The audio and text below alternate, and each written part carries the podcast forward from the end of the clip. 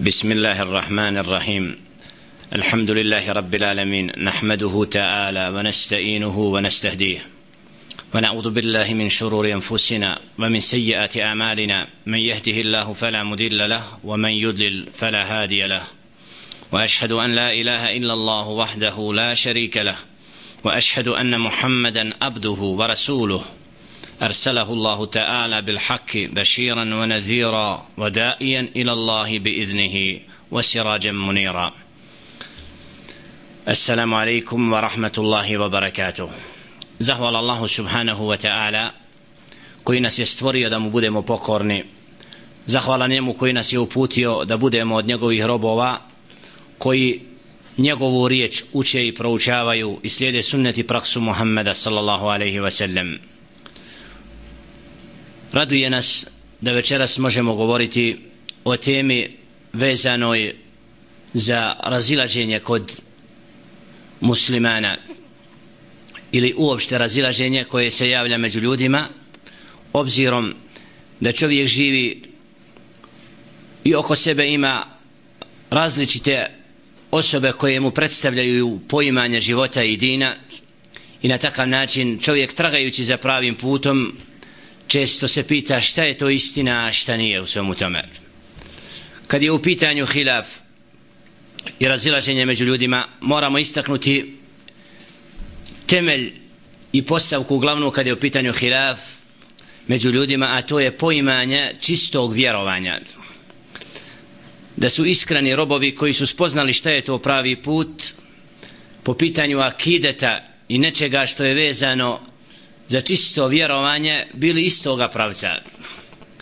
Tako da su svi poslanici alihim salatu wasalam odgajali čovječanstvo da ispravno pojmi vjeru u stvoritelja subhanahu wa ta'ala i kad je u pitanju ono što je Đelle še'nu rekao vezano za gajbijat za stvari koje su nam skrivene na određen način po pitanju vjerovanja u onaj svijet u meleke i sve ono što čovjek nekada svojim razumom nije u mogućnosti dokučiti al iman vjera u srcu roba koji prizna Allaha subhanahu wa ta'ala i njegova poslanika po tim pitanjima nema mjesta da čovjek ičtihad čini nego je dužan da se u potpunosti preda i prihvati Allahov govor u skladu sa onim što kaže Đelle še'nu i da ni najmanje ne sumnja u vijesti koje Allah subhanahu wa ta'ala iznosi tako da pit, po pitanju vjerovanja al umma koji sljedbenici Muhammeda sallallahu alaihi ve sellem nisu dolazili u sukob po pitanjima akideta. Znači pitanja vezana za onaj svijet pitanje vezana za proživljenje i slično u tim i takvim pitanjima al akida al islamije islamsko poimanje islamsko vjerovanje obuhvata sve muslimane i objedinjuje tako da nisu govorili na Allaha subhanahu wa ta'ala ono što nisu znali po pitanju vjerovanja u stvoritelja subhanahu wa ta'ala a u svemu onome što je gospodar subhanahu wa ta'ala obavijestio svoje robove. To su čvrsto prihvatali i vjerovali i znali da je to sušta istina i po tom pitanju se nisu razilazili. Jer u osnovi razlaz i hilaf koji bude među ljudima bude uzrokom da se ljudi cijepaju u razno razne skupine i sekte svaka skupina zadovoljna s onim što nosi sa sobom i zbog toga djelile ženu objavom poziva ljude da se ujedine na istoj riječi pa kaže djelile ženu kul ja ahle al kitabi ta'alav ila kelimatin sevaim bejnana wa bejnakum ألا نعبد إلا الله ولا نشرك به شيئا ولا يتخذ بعضنا بعضا أربابا من دون الله فإن تولوا فقولوا اشهدوا بأننا مسلمون kad djelje še'nu poziva one koji su se u dinu razišli koji nisu dosljedno slijedili riječ objavljenu Musa alaihi salatu wasalam i Isa alaihi salatu wasalam na najljepši način djelje še'nuhu poziva ih pa kaže reci kul ja ahlal kitab reci o sljedbenici knjige dođite da se objedinimo oko zajedničke riječi i nama i vama da ne obožavamo nikoga drugog do Allaha jednog subhanahu wa ta'ala. Da samo njemu robujemo. Alla na'budu illa Allah. Da ne, nikome nismo predani i pokorni ibadetom do njemu subhanahu wa ta'ala. Wala nushrike bihi shay'a. I da mu nikoga ravnim ne smatramo. Fa in tawallaw pa ako se okrenu ne prihvate reci fa kul ushhadu svjedočite da smo mi muslimani zato islam spaja ljude. Čista vjera objedinjuje srca, vje, srca ljudi i čini ih upućenim za razliku od krivog poimanja vjere i dina i iskrivljavanja osnovnih teza u vjerovanju a to jeste akidet pitanje poimanja vjere u Allaha subhanahu wa ta'ala u onaj svijet pitanje vjerovanja u jednog gospodara subhanahu wa ta'ala znači nema drugi božanstvo božanstava mimo Allah subhana u tim pitanjima nije bilo nikada razlaza među iskrenim ispravnim vjernicima. Za razliku od razilaženja koje se javlja među muslimana koje je temeljeno i utemeljeno na fiqhu. Na pita, u pitanjima vezanim raz, za razumijevanje određenih propisa u vjeri taj hilaf huval mešru takvo razilaženje je dozvoljeno. I takav način raz, razlaza nije pokuđen u islamu. Tako se ulema ummet, ummeta Muhammeda sallallahu alaihi ve sellem po mnogim pitanjima nekad razišla po pitanju nečega da li je vađib, da li je sunna ili ne znam znači nešto drugo kad je u pitanju poimanje fik i propis. Po tim pitanjima u pitanju fehma razumijevanja Allahova govora razumijevanja prakse poslanika sallallahu alaihi ve sellem dolazilo je i među ashabima ridvanullahi ta'ala alaihim najodabranijim vjernicima i sljedbenicima Muhammeda sallallahu alaihi ve sellem je bio razlaz ali taj razlaz nije razdvajao njihova srca obzirom da su se ujedinili oko osnova i temelja vjerovanja tako da u tim pitanjima nisu lutali nego su imali čista i zdrava ubjeđenja a onda u razumijevanju Allahova govora u natjecanju da što budu bliži izvornom poimanju Allaho, Allahove riječi i prakse poslanika sallallahu alaihi ve sellem sprem stepena istihada i nivoa znanja dolazilo i bivao je hilaf među među um, umetu Muhammeda sallallahu alaihi sellem među muslimanima.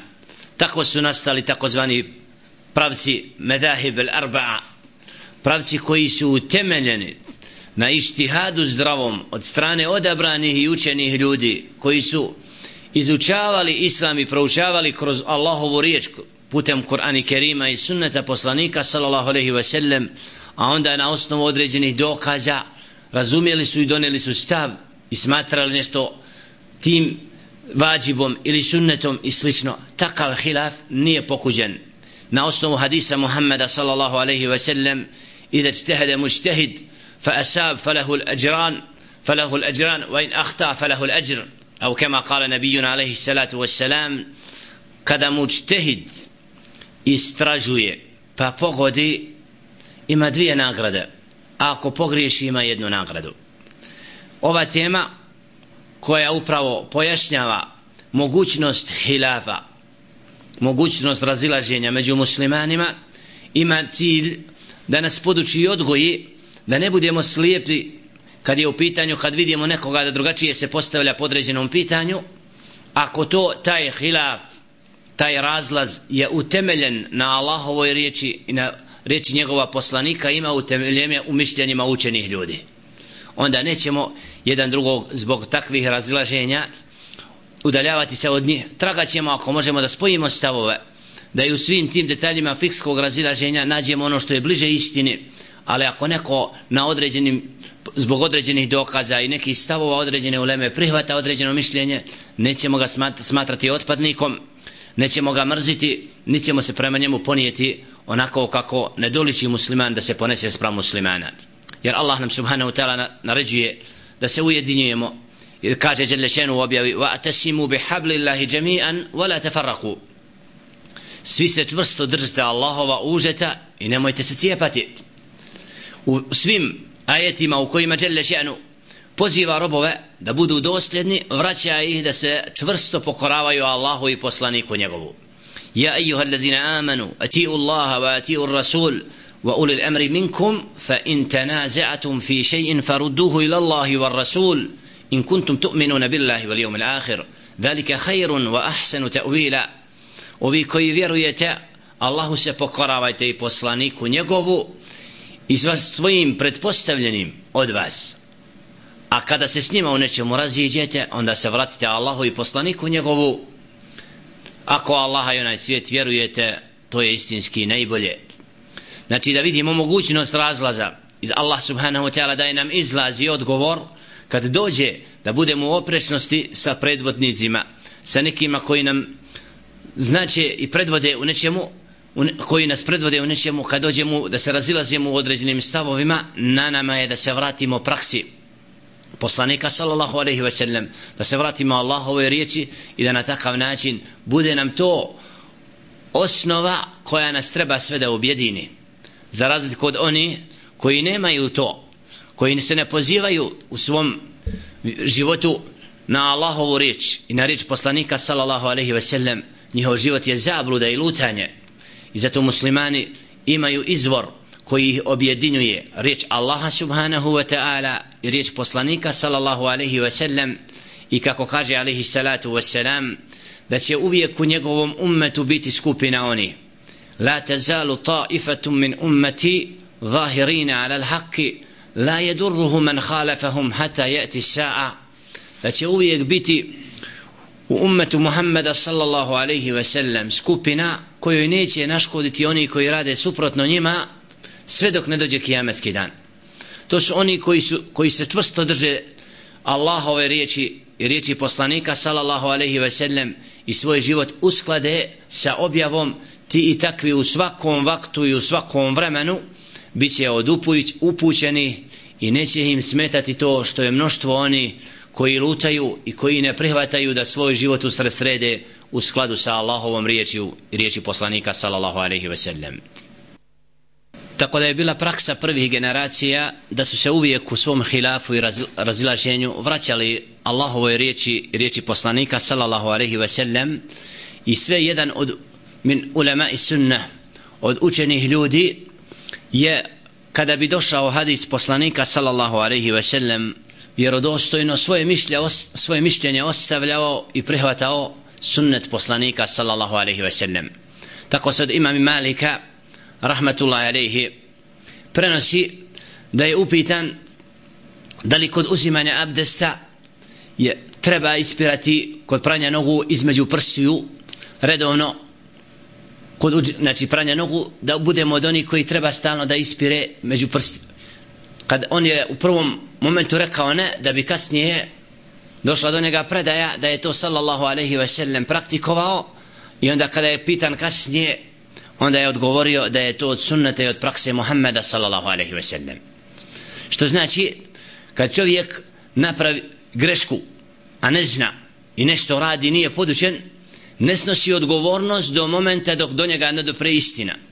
A ako čovjek sazna da je nešto bila praksa Muhammeda sallallahu alaihi ve sellem onda obaveza vjernika i vjernika vjernika i vjernica da se vrate praksi poslanika sallallahu alaihi ve sellem jer to će ih objediniti i svako razilaženje ako bude vraćeno riječi Allaha subhane i praksi poslanika sallallahu alaihi ve sellem naći ćemo odgovor.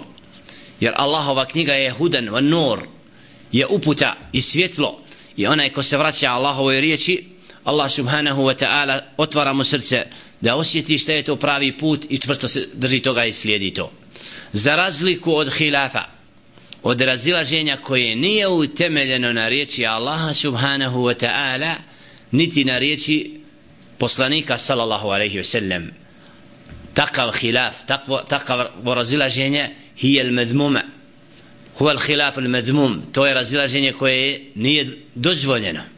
Da se čovjek s nekim kosi po nekom mišljenju i svoje mišljenje utemelji na slobodnom svom shvatanju koje nije utemeljeno na riječi Allaha subhane niti na riječi njegova poslanika sallallahu alejhi ve sellem sa takvi, ti takvi su izabrali put, izabrali put zablude. I kako kaže Allah subhanahu wa ta'ala za takve, afaraite man tehada ilahahu hawa Zar ti nisi vidio onoga koji je se za božanstvo uzeo svoje mišljenje, svoju strast, svoju pohotu, svoje slobodno poimanje života. Ti i takvi ne vraćaju se knjizi Allaha subhanahu wa ta'ala, niti riječi poslanika sallallahu alaihi wa sallam, nego svoje slobodno mišljenje stavljaju iznad riječi Allaha subhane i riječi poslanika sallallahu alaihi ve sellem i na takav način odlaze jasno u zabludu i lutaju sve dok se ne vrate i ne, pok ne pokaju jer uzmu Allahovu riječ za izvor dina i vjere i svoje mišljenja u temelje na Allahovoj riječi i na riječi poslanika sallallahu alaihi sallam kao što je bila praksa prvih generacija. Ashaba ridvanullahi ta'ala alaihim koji su se uvijek po nekom pitanju ako bi se sporili pitali jedan drugog da li ima neko da nam kaže iz prakse poslanika da li je rekao po tom pitanju nešto. Na takav način ako bi neko citirao hadis hadis poslanika sallallahu alaihi ve sellem bio je uputa i on hadis poslanika alaihi sallam je iz, spajao ashabe nisu više polemisali nisu vodili raspravu ako bi došlo sunnet poslanika sallallahu alaihi ve sellem po bilo kom pitanju. I zato u hadisu Muhammed alaihi salatu ve se upravo ističe da skupina koja će biti spašena i koju će Allah subhanahu wa ta'ala sačuvati od vatre na onom svijetu jeste skupina koja se tako ponijela prema knjizi i objavi.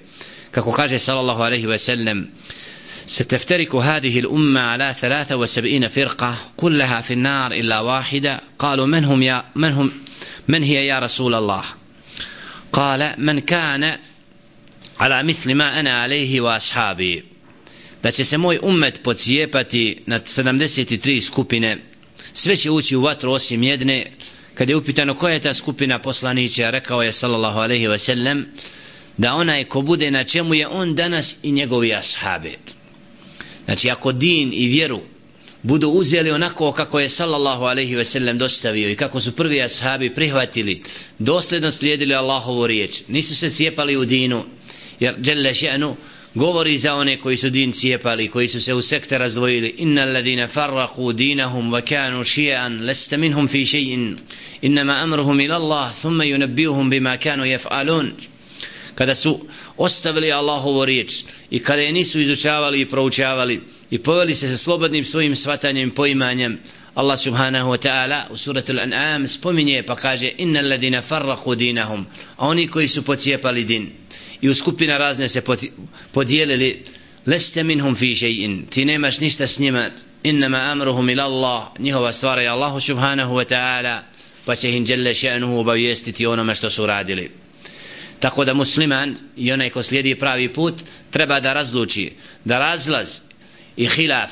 Znači među, muslimani, među muslimanima ako je utemeljen na riječi Allaha subhanahu wa ta'ala i proizvod ičtihada i proučavanja učenih ljudi iz riječi Allaha i riječi poslanika sallallahu alaihi ve sellem takav razlaz a to je mezhebsko razilaženje ima osnovu i nije pokuđen nego naprotiv to je vid istihada za koji će čovjek imati nagradu zbog toga što je tragao za uputom da proučava din i traga za znanjem jer u tome jeste smisao svih hadisa koji govore o vrijednosti znanja da se muslimani da je muslimanima naređeno sticanje znanja i da nije isti onaj koji zna i koji ne zna. Kul hal jestavi alladina ja'lamun wa la ja'lamun kul hadihi sabili ad'u ila Allahi ala basiratin ana wa man ittaba'ani wa subhanallahi wa ma ana reci već da li svi oni koji znaju i oni koji ne znaju reci ovo je moj put pozivam njenom sa znanjem ja i onaj koji me slijedi tako da din je temeljen na čistim, nepobitnim dokazima i onaj ko proučava, izuč, izučava te dokaze ima nagradu, pa čak i ako pogriješi nekada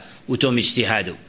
Za razliku od hilafa, od razlaza koji nije utemeljen, znači na knjizi, na riječi Allaha subhanahu wa ta'ala, takvo razilaženje se upravo temelji na novotarijama. Stvarima koje nemaju utemeljenje, nego su proizvod slobodnog stava, slobodnog mišljenja, a to je sallallahu alaihi ve sellem odbacio i rekao u hadisu men ahdatha fi amrina hada ma lejse minhu fa huva raddun. Onaj ko nešto u našoj stvari u dinu unese od sebe to je odbačeno, to nije prihvaćeno nema mjesta. Zato al ulema nikada nisu dozvoljavali da čovjek svoje mišljenje temelji na bid'atu, na praksi određenih skupina, ako to nije utemeljeno i nema dokaz u Allahovoj riječi i riječi poslanika sallallahu alejhi to su smatrali neispravnim i smatrali su to uvođenjem u zabludu jer upravo novotarije su opasne po din.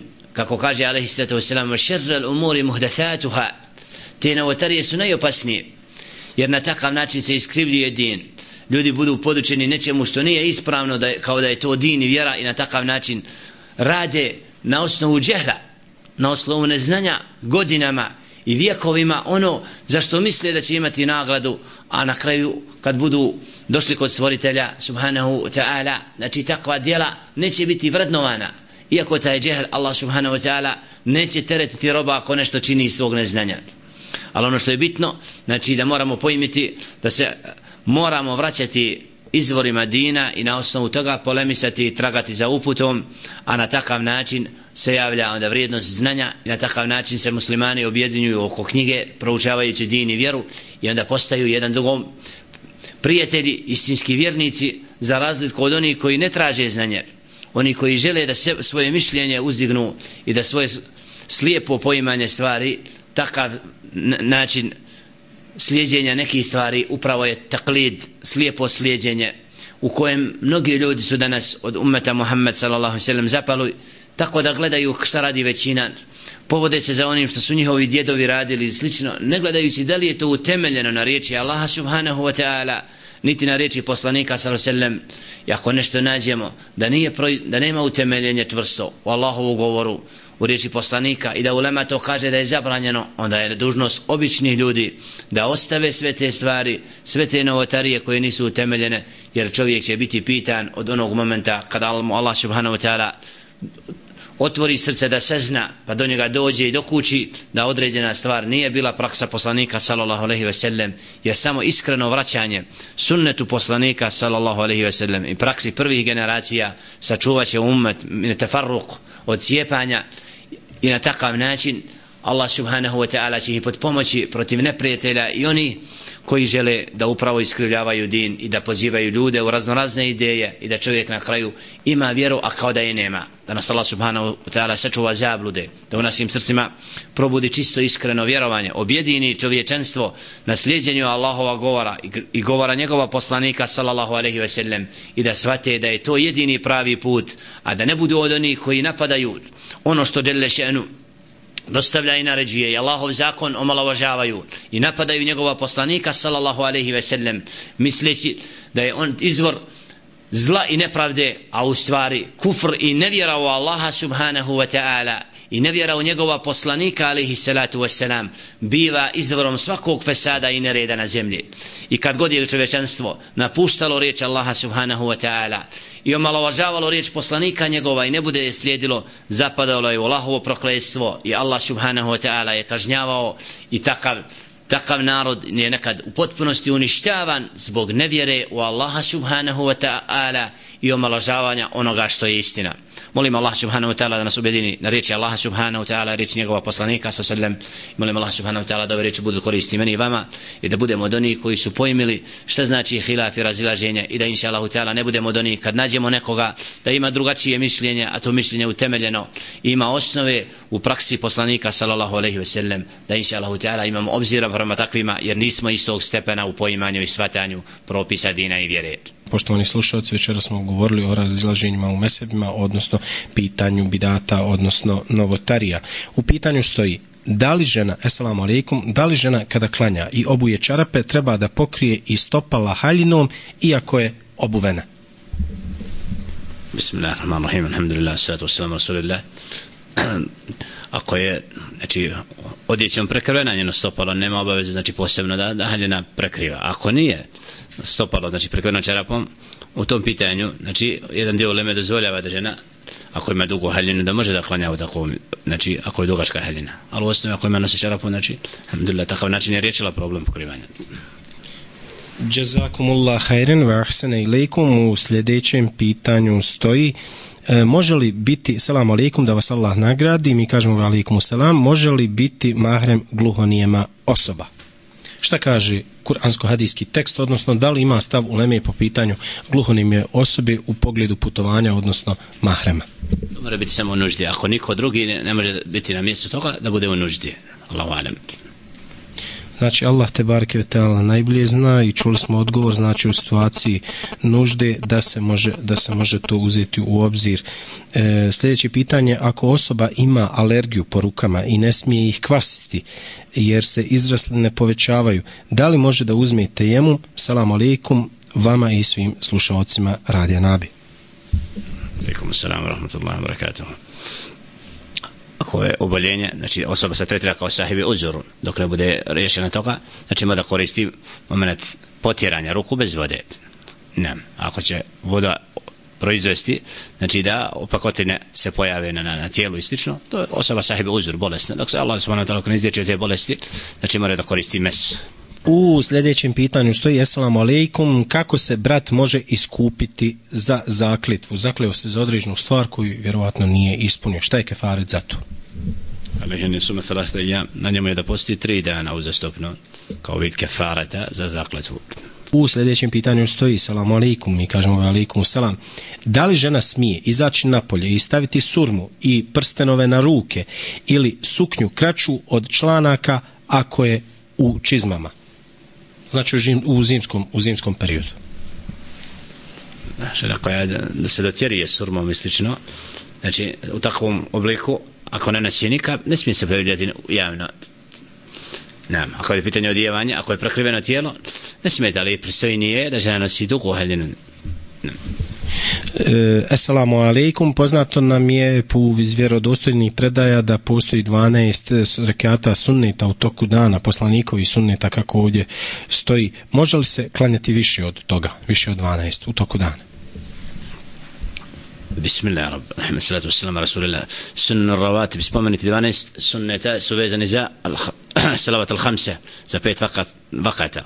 قوش توي سبس كي نماز. نجي قد بري فرد قلنا مدوار كاتا قد بودني دوا دوا بري فرد بسل دوا. إذا أكشم دوا. I posle jacije dva. To je tih 12. A imamo sunnete koji može, znači prije ikindije da klanjamo dva ili dva plus dva, i prije jacije dva plus dva. To su kao nepretvrđeni sunneti, ali su sunneta poslanika, sallallahu alaihi ve sellem, koji možemo klanjati. A na filu uopšte možemo klanjati bez ograničenja. Esalamu alaikum, šta znači upotpuniti abdest i šta znači kada se kaže da trebamo upotpuniti ruku i seđdu? Potpuniti abdest znači sve dijelove oprati da nigdje, znači da čovjek kod uzimanja abdesta bude od onih koji u potpunosti vodi računa da njegov svaki dio tijela bude potpuno oprat. To je potpunost kod abdesta. A kod, kad je u pitanju potpunost rukua i seđde, jeste da se potpuno smirimo kada smo na ruku da naše tijelo potpuno miruje izgovarajući subhana rabbijal azim subhana rabbijal azim subhana rabbijal azim subuhun kudusun rabbul malaikati var ruh i dove koje se sam učio znači da naše tijelo potpuno bude smirano na ruku na seždi jer to je uslov da bi namaz bio primjen kod stvoritelja svoj Jazakumullah khair, selamu alaikum, večera ste govorili o mezhebima, pitanje glasi koji su mezheb vehabije, odnosno da li je to mezheb i sam termin vehabije, ako možete da pojasnite. Da li ste vi vehabije? Bismillahirrahmanirrahim. Alhamdulillah, salatu wassalamu rasulillah. Zbog ne proučavanja islama, muslimani često znači, otprimaju propagandu koju vode oni kojima je stalo da muslimane zavađaju. Da među muslimanima uh, stvore nekakvu svijest kako postoji nekakva skupina koja ima na stranu učenje pod imenom Vahabije. I žalosno je to da od krugova koji se nekad pozivaju da su školovani, obrazovani, da su knjigu čitali, da se stavaju u poziciju da govore i pišu knjigu pod imenom Vahabije i slično. A u stvari Vahabije kao pokret nikad nije postojao, niti ima. Samo se radi o tome da je čovjek pod imenom Abdul Vahab, rahmatullahi alihi, od Uleme, koji je pozivao dosljednom izvornom učenju, na arabijskom poloostrvu koji je, nije se povodio za slijepim mišljenjima ove ili one skupine vraćajući umet Muhammeda sallallahu alaihi ve sellem na izvore vjere Kur'ana i sunneta onda neki kad vide čovjeka ovdje ili ondje u Evropi da želi da svoje vjerovanje temelji na riječi Allaha i na riječi njegova poslanika sallallahu alejhi ve sellem biva prozvan vehabijom a vahabije nikakav pokret nisu niti je koga osnovao niti ima. Innana nahnu muslimun mi smo muslimani. I to je ono što treba svako da se tim ponosi a svaka etiketa mimo toga mu'minun muslimun. To je ono kako nas Allah subhanahu wa ta'ala nazvao koji slijedimo njegovu riječ i vjerujemo a oni koji cijepaju i žele muslimane da razdvajaju na ovu ili onu skupinu. Ja sam ovaj mezib onaj onaj mezib ova, tako al hizbijat kaže jelle še'nuhu kullu hizbim bima ladejhim farihun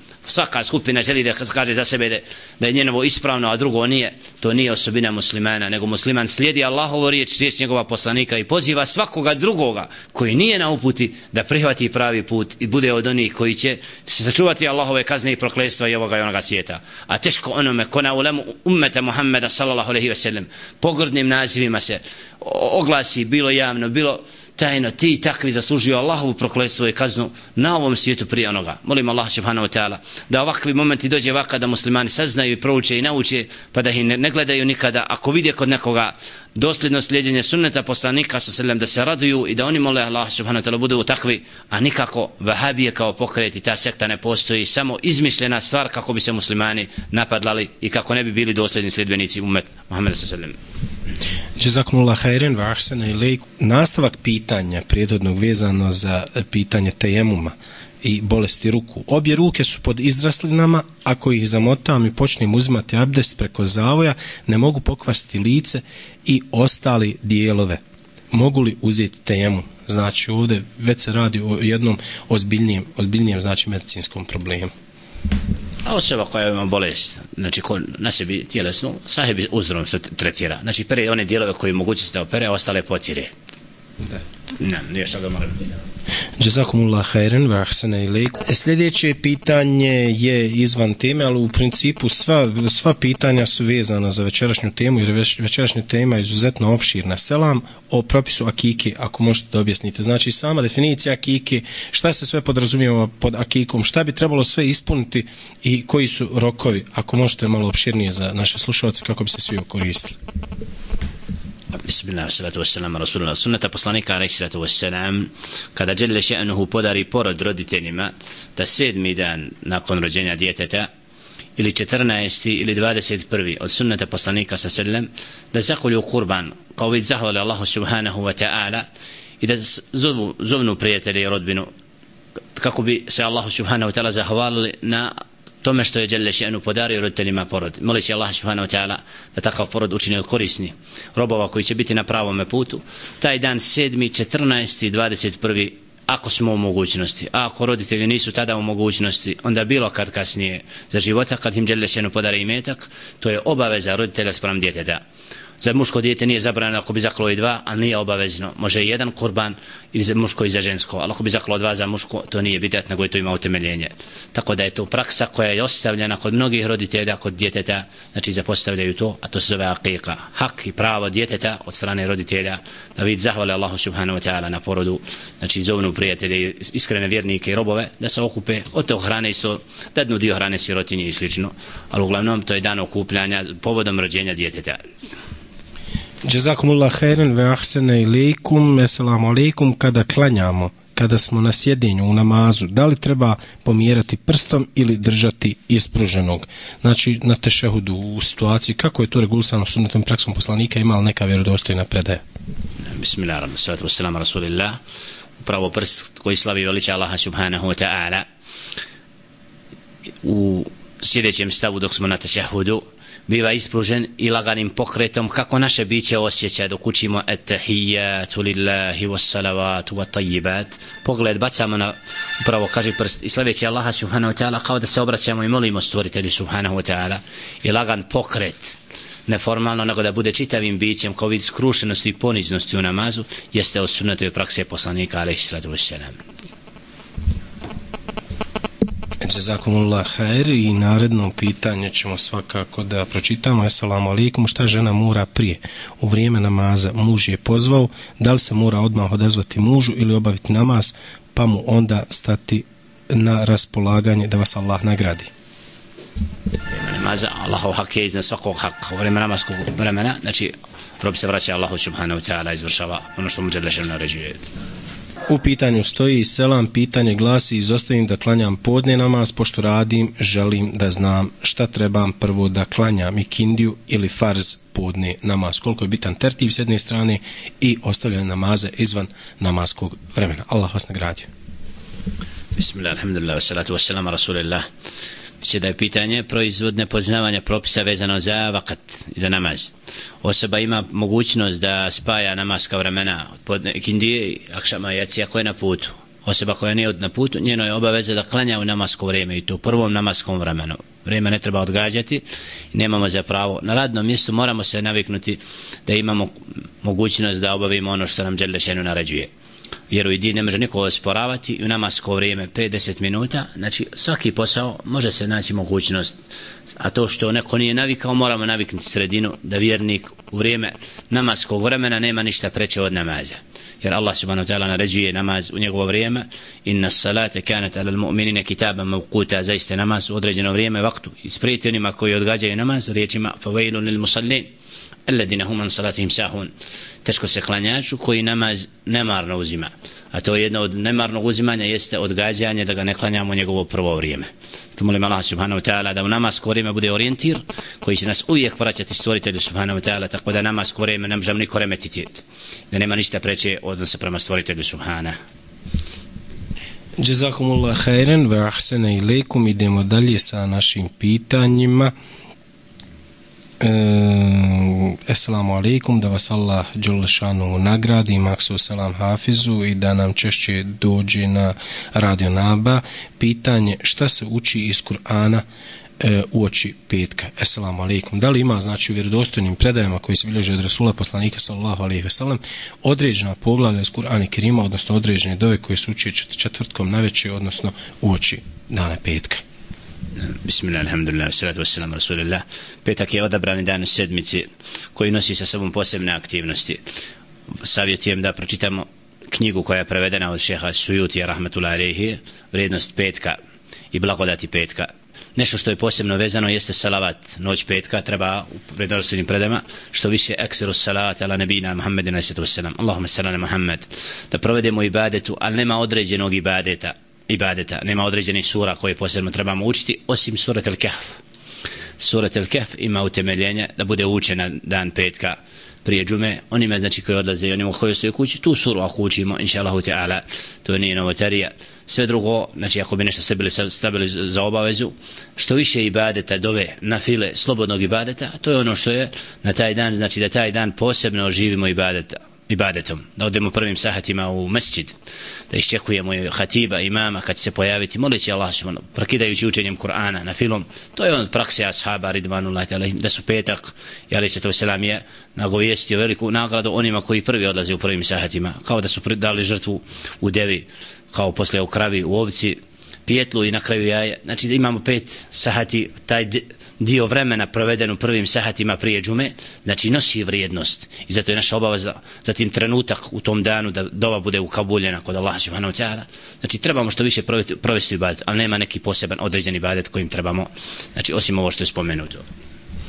Jazakumullah khairan wa ahsana ilaykum. Da li je dozvoljno miješanje mezheba, to jeste da neke propise drugačije obavljam ako su u skladu sa islamom. Nisam od početka slušao predavanje, pa halalte.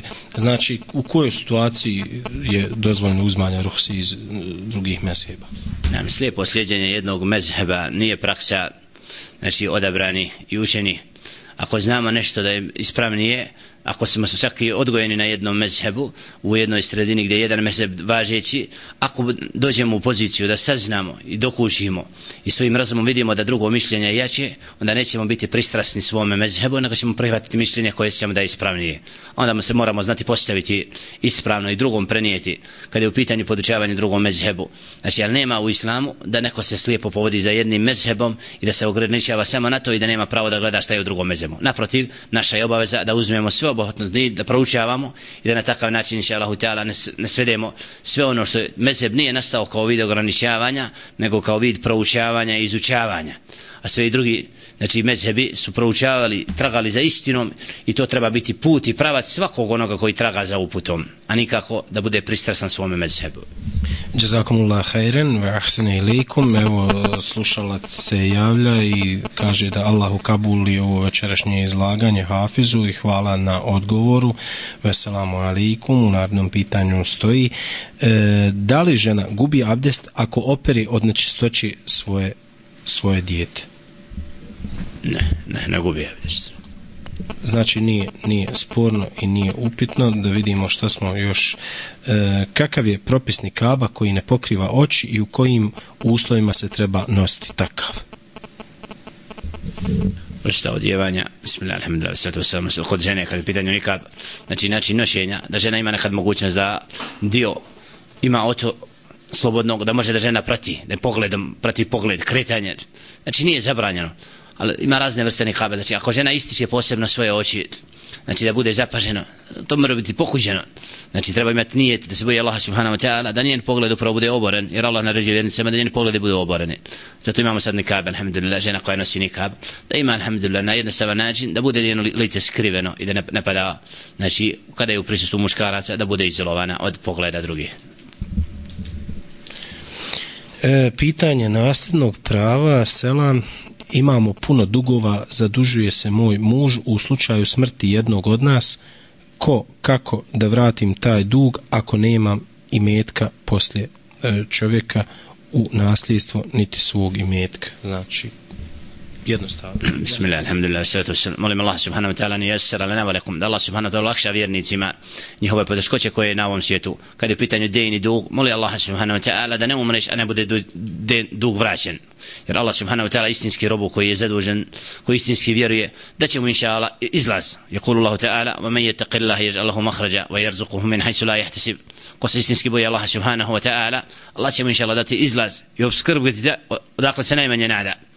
Znači Allah subhanahu wa ta'ala je u stanju da otkloni kad dođemo u poziciju da smo u dugu nećemo, molimo Allah subhanahu wa ta'ala da nas oslobodi toga i osaborimo Allah subhanahu wa ta'ala. Ako budemo iskreni inša Allah ta'ala čak ima uleme koja smatra da rob koji istinski uzeo dug sa vjerom da ga vrati da mu Allah inša Allah olakša da ga vrati prije smrti. Zato molim Allah subhanahu wa ta'ala da otičnoj osobi olakša i da inša Allah bude od onih koji će Allah subhanahu wa olakšati da taj dug a isto tako oni koji su vlasnici duga znači molim Allah subhanahu da se nekad jerhamuna li ashabi dujun da budu milostivi prema onima kojima su se zadužili pa da čak i oprosti taj dug jer na takav način služuju kod Allah subhanahu veliku nagradu i ovoga i onoga svijeta i tako će Allah subhanahu veći bereket u njihovom imetu koji su dali na usluzi drugome e, u pitanju sljedećem stoji Assalamu alaikum, je li od sunneta zikr posle farza ili posle završenog namaza? Je li zajednički zikr i učenje dove od sunneta Allahu Resula poslanika Muhammeda alaihi salam? Bismillah, alhamdulillah, wassalatu wassalamu ala rasulillah. zajednički zikr i dova nije od prakse Muhammeda sallallahu alejhi ve sellem nego je bid'a novotarija nešto što nije bila praksa poslanika sallallahu alejhi ve sellem a zikr je od sunneta nakon farda ne nakon sklanjanja i sunneta nakon fard namaza, zajedničkog džemaskog namaza ili ako pojedinačno žena kući obavlja namaz, čini zikr nakon farda. Pojedinačno, ne u horu. I na takav način znači nakon obavljenog zikra poslije ustaje klanja sunna a spajanje farda i sunneta je novotarija, bid'a, nešto što nije utemeljeno, neispravno i treba naviknuti se i odgojiti naraštaje na ovim prostorima da se naviknu da čine zikr pojedinačno poslije farda jer ovdje imam ustaljenu praksu da se zajednički u džematima obavlja zikr i to nakon klanjanja farda i sunneta i zajednička dova, a to nije utem, nema utemeljen niti dokaz u praksi Muhammeda. Nastavak na prethodno pitanje, evo vi ste delmično već dali odgovor, ali evo ispoštovat ćemo i to slušalac ili slušateljka pita. E, Esalamu alaikum, da li se po mišljenju Hanefija, odnosno Hanefijskog mezheba, i je li to stav Hanefijskog mezheba, zikr čini zajedno i da li se ovakav način prakticira još negdje u islamskom svijetu? Da li to ima utemeljenje na sunnetu hadisu i praksi poslanika sallallahu alaihi wasallam i da li Hanefijski mezheb poziva znači na zajednički zikr ili ne? To je kad kažemo da nešto bit, a onda znači da nije utemeljeno na, na mezhebsko razilaženje, ima dokaz najčešće, jako nekad, nekad mišljenje koje je pobijeno u jednom mezhebu, ali kada kažemo nešto da je bit, znači da nema nema utemeljenje. To što je praksa i što je u mnogim zemljama, to nije dokaz. Znači, spomenuta stvar nijema osnova u hanefijskom mezhebu. E, evo, također, slušalci e, daju izraze podrške večerašnjem druženju, našoj večerašnjoj emisiji, mu bareć lešu i evo e, o, za odgovore za odgovore se zahvaljuju našem večerašnjem gostu predavaču. Mi kažemo da ćemo u perspektivi biti svojevrstan servis koji će poštovani slušalci biti na izmetu vama. Nastojat ćemo da e, damo odgovore na sve vaše probleme sa kojima se susrećete, sve u kontekstu kuransko-hadijskih tekstova, odnosno sunet hadisa i praksa Allahog Resula poslanika, sallallahu alaihi ve sellem. E, u sljedećem e, pitanju što je, assalamu alaikum, da vas Allah te bareke vetala nagradi, gdje Hafiz Jusuf Barić drži još predavanje i e, ili nešto slično i kad će nam opet doći na Radio Naba. Na Radio Naba, inshallah hotela za 14 dana počinje komentar jednog posebnog dijela iz oblasti Akajda, čiji će komentator biti upravo naš večerašnji gost predavač Hafiz Jusuf Barić, a Hafiz Jusuf Barčić će sam spomenuti termine svojih predavanja u džamijama u Sarajevu i eventualno ako postoje predavanja na drugim mjestima.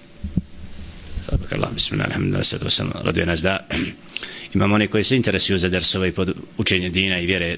Naša praksa je da dersove putem mesčida oživimo mesčida ono što mu pripada i da oživimo zdenje praksu sunneta poslanika sa selem kroz tumačenje Allahova gorova prakse njegova poslanika sa selem. Pozivamo svakoga na ovoj regiji Sarajevskog kantona, da svake srede u centru u islamskom nalipačnom polju, između Akšama i Jacije imamo tumačenje dijela Al-Aqidat Tahavija, ispravno ahlusunesko učenje i vjerovanje, tako da u svakom terminu sedmičnom, između Akšama i Jacije srijeda, a četvrtak, između Akšama i Jacije ova noć, imamo u Caravoj džami tefsir, tako da možete nas pratiti sredom, znači u centru, a četvrtkom u Caravoj džami. Na području Tuzlanskog kadona imamo svoje dersove subotom, džumu, hutbu, mesčid i imamo nedeljom dersove za učenike koji će, su željni znanja i učenja i halka Kur'ana u tim periodima.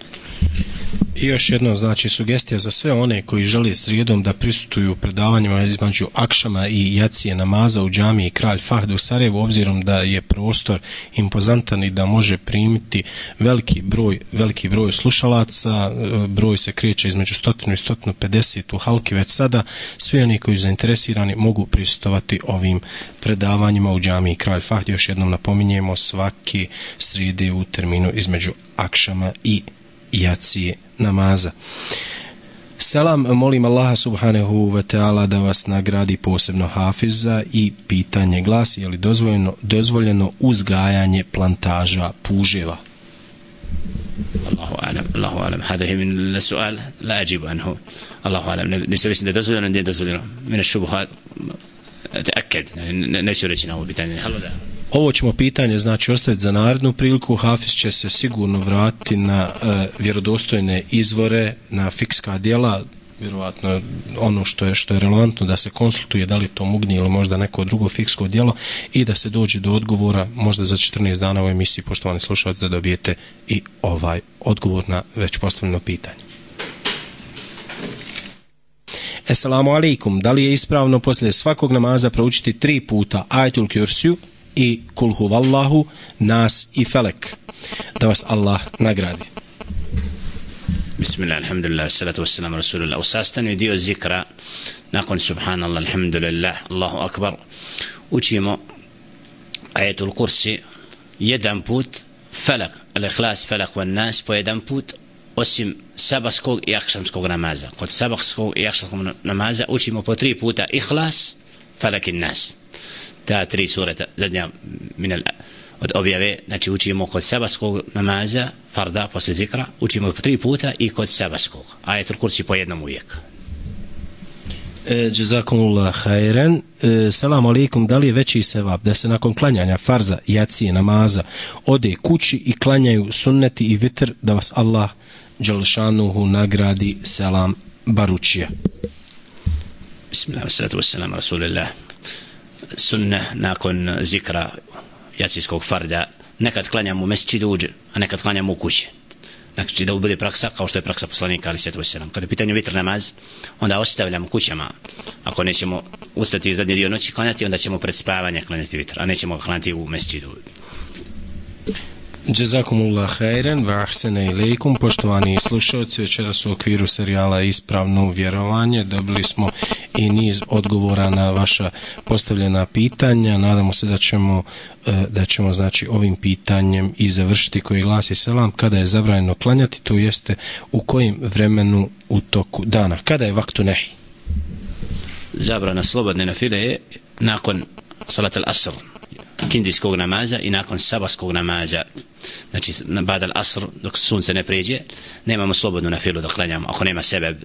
Isto tako posle farda sabaskoga nemamo znači na filu slobodno da klanjamo i u vremenu kad sunce izlazi tačno u tom periodu kad je tačno na zenitu i kad zalazi u tim periodu trebamo izbaći, izbjeći namaz Jazakumullah khairan wa ahsana ilaykum. Poštovani slušalci, bilo je to još jedno druženje u otvorenom programu radija Naba u serijalu Ispravno vjerovanje sa uvaženim vjerskim autoritetom Hafizom Jusufom Baričićem da ga Allah te barek nagradi najboljom nagradom